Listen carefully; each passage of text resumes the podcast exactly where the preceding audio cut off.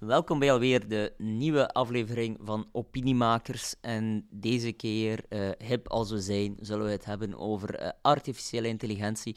Maar vooral hoe je dit kan gebruiken in een politieke context. We, gaan hier ook, we hebben hier eigenlijk al verschillende blogs over geschreven. Op onze website www.exposure.be vind je nog veel meer informatie. Niet alleen blogs, maar ook webinars, e-books. En wens je meer informatie, aarzel niet om ons te contacteren. Veel inspiratie gewenst.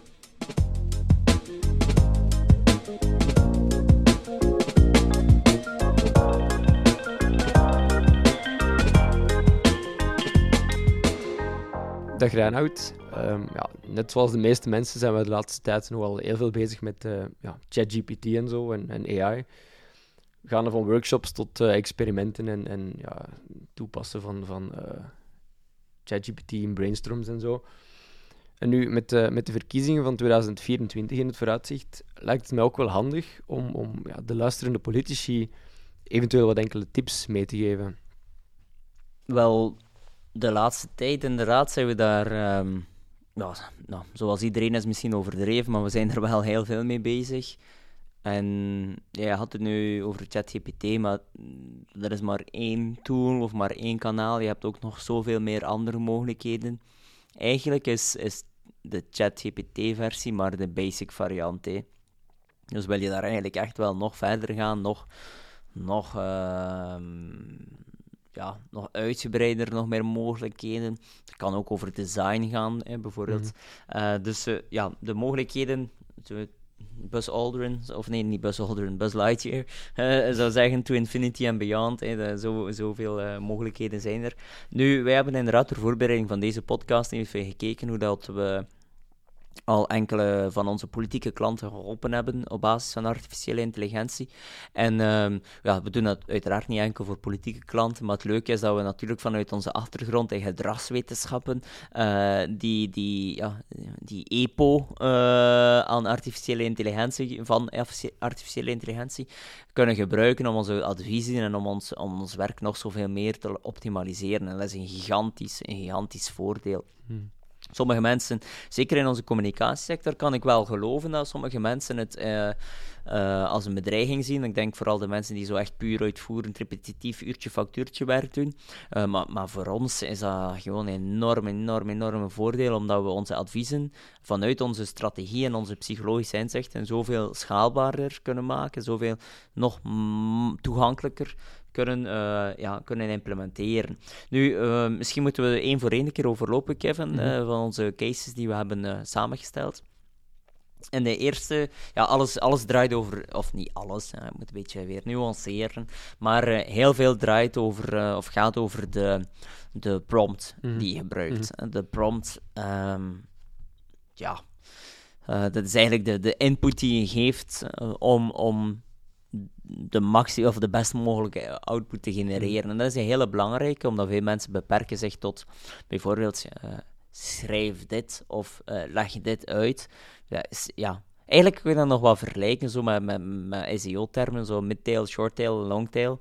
Uh, en longtail is heel vaak in dus de vindbaarheid binnen Google zo wat een eenvoudige, uh, ideale techniek om heel hoog te scoren in Google op een relatief eenvoudige manier. juist in voor de mensen die uh, ja, niet weten wel, wat een longtail wil zeggen? Wel, goed dat je mij challenge, maar longtail... Um, stel bijvoorbeeld, shorttail is eigenlijk korte staart, is eigenlijk vooral de lengte van de input die je geeft in Google. Mm -hmm. Bijvoorbeeld bij ons is shorttail nudging. Mm -hmm. En midtail is, uh, zou dan bijvoorbeeld kunnen zijn, uh, voorbeelden van nudging en longtail zou dat kunnen zijn voorbeelden van nudging in de politieke sector. Ja. Ah, dus je, en uiteraard, hoe, hoe meer longtail, hoe meer info je geeft aan Google, hoe specifieker ook de blogs zullen zijn dat je mhm. krijgt. Vandaar dus voor een marketeer, door in te zetten, door teksten te schrijven voor longtail, is het iets makkelijker om op één te staan in Google, omdat er uiteraard ook minder concurrentie is. Nu, maar dat is eigenlijk een ja, dat is misschien wel een kromme vergelijking, denk ik me nu wel zo, maar het gaat toch wel deels op, omdat net zoals bij Google, je bij uh, bijvoorbeeld ChatGPT, doordat je meer info geeft, je ook veel specifiekere informatie krijgt. Mhm. En uh, een eerste prompt die wij nu al hebben gedaan uh, voor iemand, voor een politica die we geholpen hebben ehm, voor een debat uh, voor te bereiden, was eigenlijk het, uh, de, de, de, de ChatGPT gebruiken als een uh, debater. Ja. Dus um, ja, dat is iets dat we vaak doen, ook politici helpen met hun voorbereidingen. niet alleen politici, ook CEO's in een debat of in een, ja, meer een interview. Meestal bij ons is dat eerder een, interview-debatstijl. Maar dan bijvoorbeeld ben je nu individueel meer politicus of wil je ja, jezelf gewoon voorbereiden, dan is een ideale prompt bijvoorbeeld van uh, is dat je in ChatGPT uh, uh, ingeeft, bijvoorbeeld, je, je bent een politiek journalist en uh, organiseert een debat tussen twee politici van een socialistische en een liberale partij. En um, de liberale uh, politica stelt dat belasting betalen of belastingen verlagen de enige oplossing is om de armoede tegen te gaan. welke vijf vragen zou je als politiek journalist hierover stellen? Hm. Dat is bijvoorbeeld een prompt die zo, zie je, dat is heel lang. En niet zeggen van, geef vijf vragen voor een debat over armoede. Mhm. Nee, het gaat dus veel specifieker.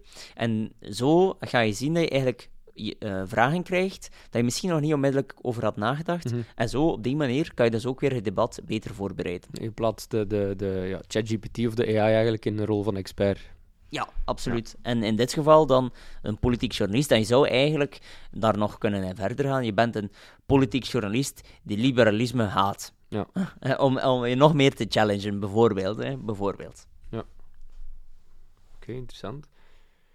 En, en ja, ik kan me voorstellen dat dat ook wel mogelijk is in, in, ja, om, om de, debatten voor te bereiden of zo. Om eventueel uh, de, de, ja, de, de AI in de rol van, van een tegenstander te plaatsen, ja, tegenargumenten ja. bedenkt. Nee, klopt. Ja. Dat is inderdaad niet enkel in de, in de, in de functie van een, uh, van een journalist. Uh, je zou e-, effectief ook, inderdaad, dat is dan onze tweede uh, tip misschien wel. het ligt wel een beetje misschien in lijn met de eerste. maar in het tweede zou je specifiek inderdaad ook wel kunnen zeggen van kijk, je moet in debat gaan en uw collega-debater stelt dat en ik ben een dat type politicus uh, of politica, welke, welke argumenten kan ik bedenken hm. hierover? Of uh, welke tegenargumenten zouden anderen kunnen bedenken hiervoor? dus niet enkel voor jezelf, maar vooral, want dat, dat merken we wel in die oefening die we gedaan hebben toen destijds, uh, dat het veel beter was om de tegenargumenten te bedenken dan je eigen argumenten, omdat je meestal wel hm. slimmer bent voor jezelf. En dus ook beter de context weet en begrijpt.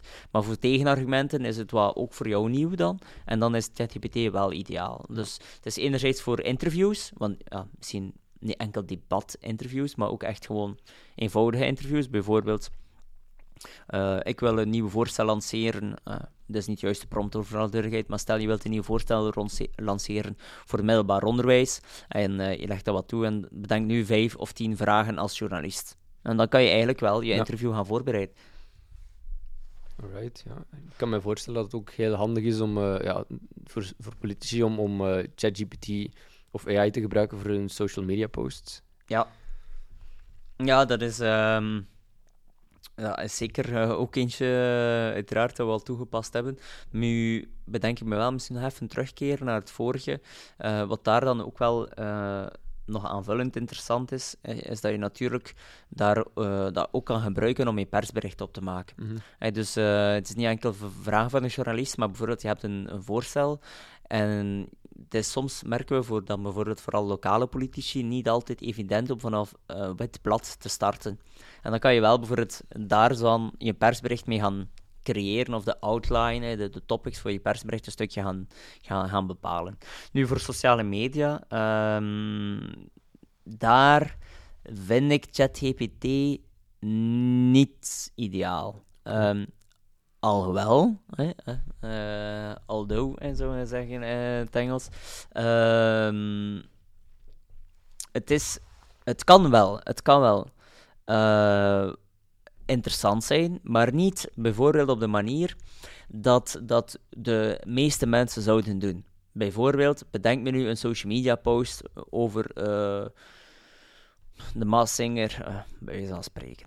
Ehm, dat, dat merken we, kan je doen. Er gaan er zeker mensen die echt beetje cru uh, nougatbollen van social media kennen en echt helemaal geen copywriting skills hebben, die zullen daar zeker bij geholpen zijn. Mhm. Eh, maar de mensen die zo wel al redelijk wat ervaring hebben in politieke communicatie en af en toe wel, of die, die al wat meer campagneervaring hebben, die gaan dat, merken we toch zelf nog beter kunnen. Maar ik spreek over een beperkt, uh, een groep. Er is zeker ook een groep die daar al wel mee geholpen is. Nu, voor de groep die al wat verder staat, wat we daarvoor gedaan hebben, is, uh, ja, wij hebben natuurlijk uh, waarschijnlijk hebben we dat al in een andere podcast gezegd. Maar wij hebben heel wat datatools uh, ontwikkeld, dashboards.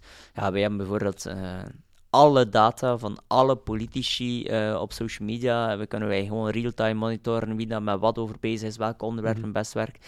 we hebben gewoon alle politici, onder andere. en wat dat we dan bijvoorbeeld gedaan hebben is voor een specifiek onderwerp. Laten we nu gewoon in, uh, niet uh, het voorbeeld nemen dat we, we destijds hebben gedaan, maar uh, we zijn nu Pasen. Ah, laten we het nu even mm. over Pasen hebben. Pasen is wel voorbij. Maar dan, ga, dan zijn we eigenlijk op basis van onze datatools, die onder andere wat technisch misschien wel heel wat scraping bevatten, dus data verzamelen, en gaan kijken wat het de beste posts waren voor dat ideologisch segment ooit gepubliceerd over Pasen. Hm. En dan hebben we eigenlijk de, de tien, uh, uh, nee, het waren er geen tien, het waren er iets minder berichten geselecteerd. En vervolgens die en dan, uh, het was niet in ChatGPT, maar het was wel via OpenAI, dus we kan het eigenlijk ook in ChatGPT doen, toegevoegd en gezegd van, kijk, dit zijn hier vijf voorbeelden. bedenk me nu een nieuw voorbeeld dat, en dan hadden we daar nog een laagje aan toegevoegd, dat specifiek gericht is op jongeren bijvoorbeeld. Dat is wel een hypothetisch voorbeeld. Uh, en zo hebben we dan eigenlijk door de input van reeds heel succesvolle berichten een nieuw bericht gegenereerd dat dat wel zeer goed was, omdat het gebaseerd was op voorgaande data die specifiek voor dat ideologisch profiel uh, ook relevant waren. Ja. En dat is dan wel weer, maar ja, natuurlijk, dat is dan iets minder relevant voor de luisteraars, maar je moet wel die data hebben, mhm. uiteraard. Ja, inderdaad. Ik kan me voorstellen dat de tone of voice dan ook ineens direct juist zit. Voilà, en dat is, dat is het voordeel inderdaad, omdat je die tone of voice en die specifieke ja, niche uh, veel beter, allee, het, het, AI veel beter mm traint door die input die je geeft. Ja, inderdaad. En uh, voor de moeilijkheid van ja, bijvoorbeeld politieke teksten of standpunten en zo, lijkt me dat ook wel heel handig om bijvoorbeeld ja, een prompt in te geven van um, ja, leg mij deze tekst uit alsof ik een vijfjarige ben of zo, bijvoorbeeld. Ja, dat is absoluut. Uh, ik zeg dat in elke workshop, in elke workshop over politieke campagnes of, of politieke marketing. Um, de meest gemaakte fout door politici is dat het te ingewikkeld is, dat mhm. het te uh, moeilijk is. Nu, um, dat moet ik er dan ook wel altijd bij zeggen, is dat eenvoudig communiceren niet gelijk is uh, als communiceren voor sorry, voor antibielen. Hè. Mm -hmm. dus uh, dat wil niet zeggen dat, dat, dat je moet communiceren als, als uh, Jip en Jannetje, Jip en Janneke uh, zaten op het bankje. Het bankje uh, was, uh, was niet zo aangenaam om te zitten en daarom heeft mevrouw de Schepen een voorstel gelanceerd om lekkere zitbare bankjes te lanceren. Allee, zo moet het niet, hè. dat is niet eenvoudig communiceren, hè, want soms denken ze echt dat, dat, dat we bedoelen met eenvoudig... je lacht Kevin, maar goed, ik moet het er soms wel bij zeggen. Het, is eenvoudig, het moeilijkste dat er is, is een moeilijk probleem eenvoudig uitleggen. Mhm, dus eh, eh, waarom trek ik het even op flessen? Omdat politici uh, of mensen uh, met een maatschappelijke functie denken en vaak verkeerdelijk eenvoudige communicatie associëren met dom. Mm Maar dat is niet waar. Het moeilijkste dat er is, uh, het is net een teken van intelligentie Mhm. Dat je iets moeilijk eenvoudig kan uitleggen. En opnieuw, eenvoudige communicatie is ook niet gelijk aan populistische communicatie. Mhm. En dus dat is een heel, iets helemaal anders, maar vaak wordt dat verward met elkaar, waardoor ze denken van, ik moet heel moeilijk communiceren, omdat ik dan zeer slim zal overkomen en zeker niet populistisch. Mhm. Terwijl het een het uiteraard niet het andere uh, uitsluit. Nu, uh, even mijn frustratie hier in deze podcast gedeeld. Want ik vind het onbegrijpelijk dat, dat er daar, uh, ja, dat dat zo moeilijk is. Maar um, vandaar dat ChatGPT wel kan helpen, omdat inderdaad, als je een, ja, ja, iedereen, allee, zeker politici die dag in dag uit bezig zijn met inhouds, uh, inhoudelijke thema's, uh, die hebben heel veel last van een curse of knowledge. Uh, dus ze hebben zoveel kennis dat het moeilijk is om te bepalen of dat, dat begrijpbaar is. Mhm. Iedereen heeft er last van, hè? Iedereen heeft er last van. Daarnet had ik het over short tail, mid tail, long tail. En heb ik eigenlijk onvoldoende uitgelegd wat dat is. Dus jij hebt goed terecht gezegd. Dat, dat, dat is... Dat wil ook niet zeggen curse of knowledge, dat je daarvoor de, de, even intelligent bent als Einstein, absoluut niet. Maar iedereen heeft vanuit zijn bepaalde specialiteit een curse of knowledge. Mhm. En daar kan ChatGPT dan wel bij helpen, dat je inderdaad gewoon om te challengen uh, voor een tekst schrijft en dan vraagt van herschrijf dit nu, zodanig dat mijn nicht van vijf jaar uh, dit ook uh, begrijpt. Dat kan goed zijn om opnieuw om te challengen. Ja, interessant. En qua, qua beeldmateriaal en zo? Kunnen we daar ook iets mee doen, denk ik? Want er is niet alleen AI beperkt zich niet tot ChatGPT en, en ja, tekstgeneratie.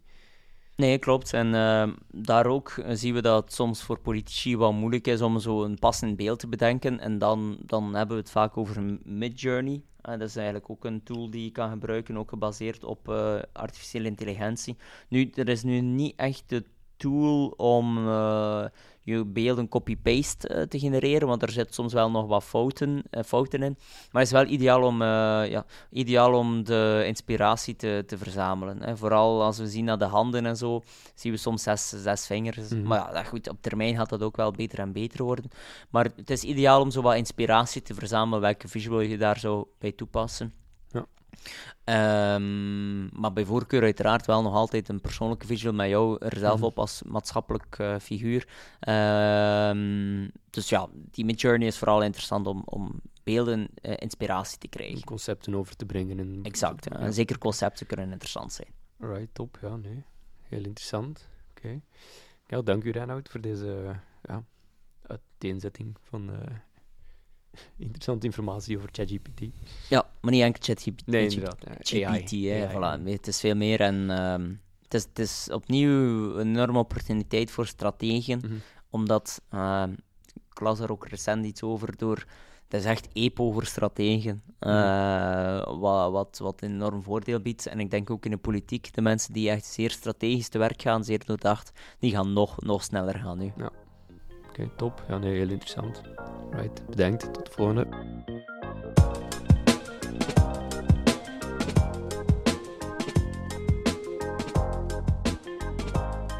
Voilà, dus uh, met de artificiële intelligentie kunnen jullie nu ook aan de slag. Heb je hier uh, vragen over of wil je hier meer inspiratie over? Ga dan zeker eens kijken naar uh, op www.exposure.be. Je vindt er niet alleen webinars, e-books, podcasts, maar ook nog heel wat andere interessante blogs. En aarzel niet om ons persoonlijk te contacteren.